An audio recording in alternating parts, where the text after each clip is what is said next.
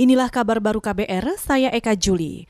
Saudara Ketua Komisi Pemberantasan Korupsi atau KPK, Firly Bahuri, dinyatakan bersalah melanggar kode etik terkait kasus penggunaan helikopter mewah. Putusan itu dikeluarkan Dewan Pengawas KPK yang dibacakan ketuanya Tumpak Hatorangan Panggabean pagi ini.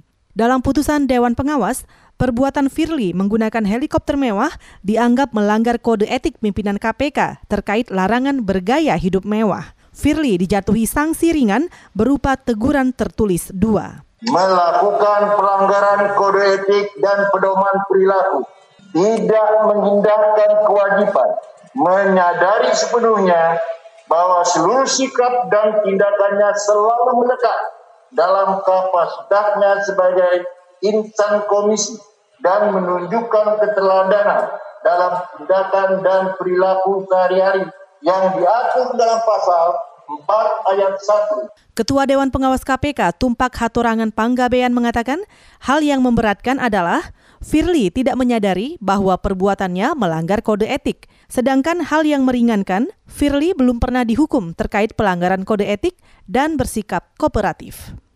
Beralih ke informasi lain, Komisi Pemilihan Umum atau KPU resmi melarang semua kegiatan kampanye yang melibatkan kerumunan massa seperti konser musik pada Pilkada 2020.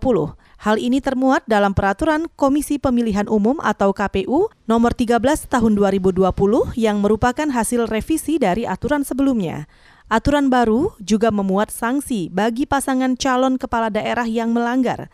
Sanksinya dari peringatan tertulis hingga pembubaran kegiatan kampanye. Langkah ini diambil KPU merespon desakan berbagai kalangan tentang kekhawatiran pilkada bakal memunculkan klaster-klaster baru COVID-19.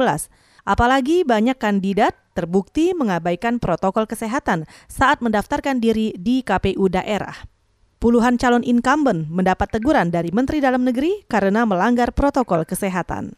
Saudara Menteri Riset dan Teknologi Bambang Brojonegoro bakal meluncurkan dua alat tes COVID-19 untuk tes cepat dan tes usap.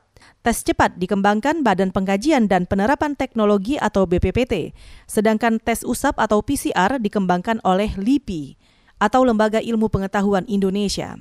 Selain itu, Kemenristek tengah mengembangkan alat untuk mempermudah penelusuran kontak berbasis big data dan kecerdasan buatan kita mencoba membuat yang namanya semacam health pass. Ya, jadi suatu pendekatan yang berbasis big data dan artificial intelligence, di mana akhirnya nanti orang-orang kalau bergerak itu tidak perlu lagi membawa dokumen atau surat yang menyatakan bahwa dia sudah rapid test, dia negatif COVID dan segala macam. Menteri Riset dan Teknologi Bambang Brojonegoro juga menambahkan metode pengobatan COVID-19 juga terus dikembangkan.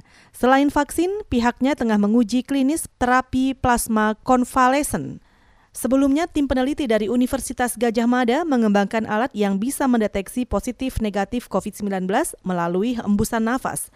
Alat ini tinggal menunggu izin edar dari Kementerian Kesehatan. Saudara, demikian kabar baru. Saya Eka Juli.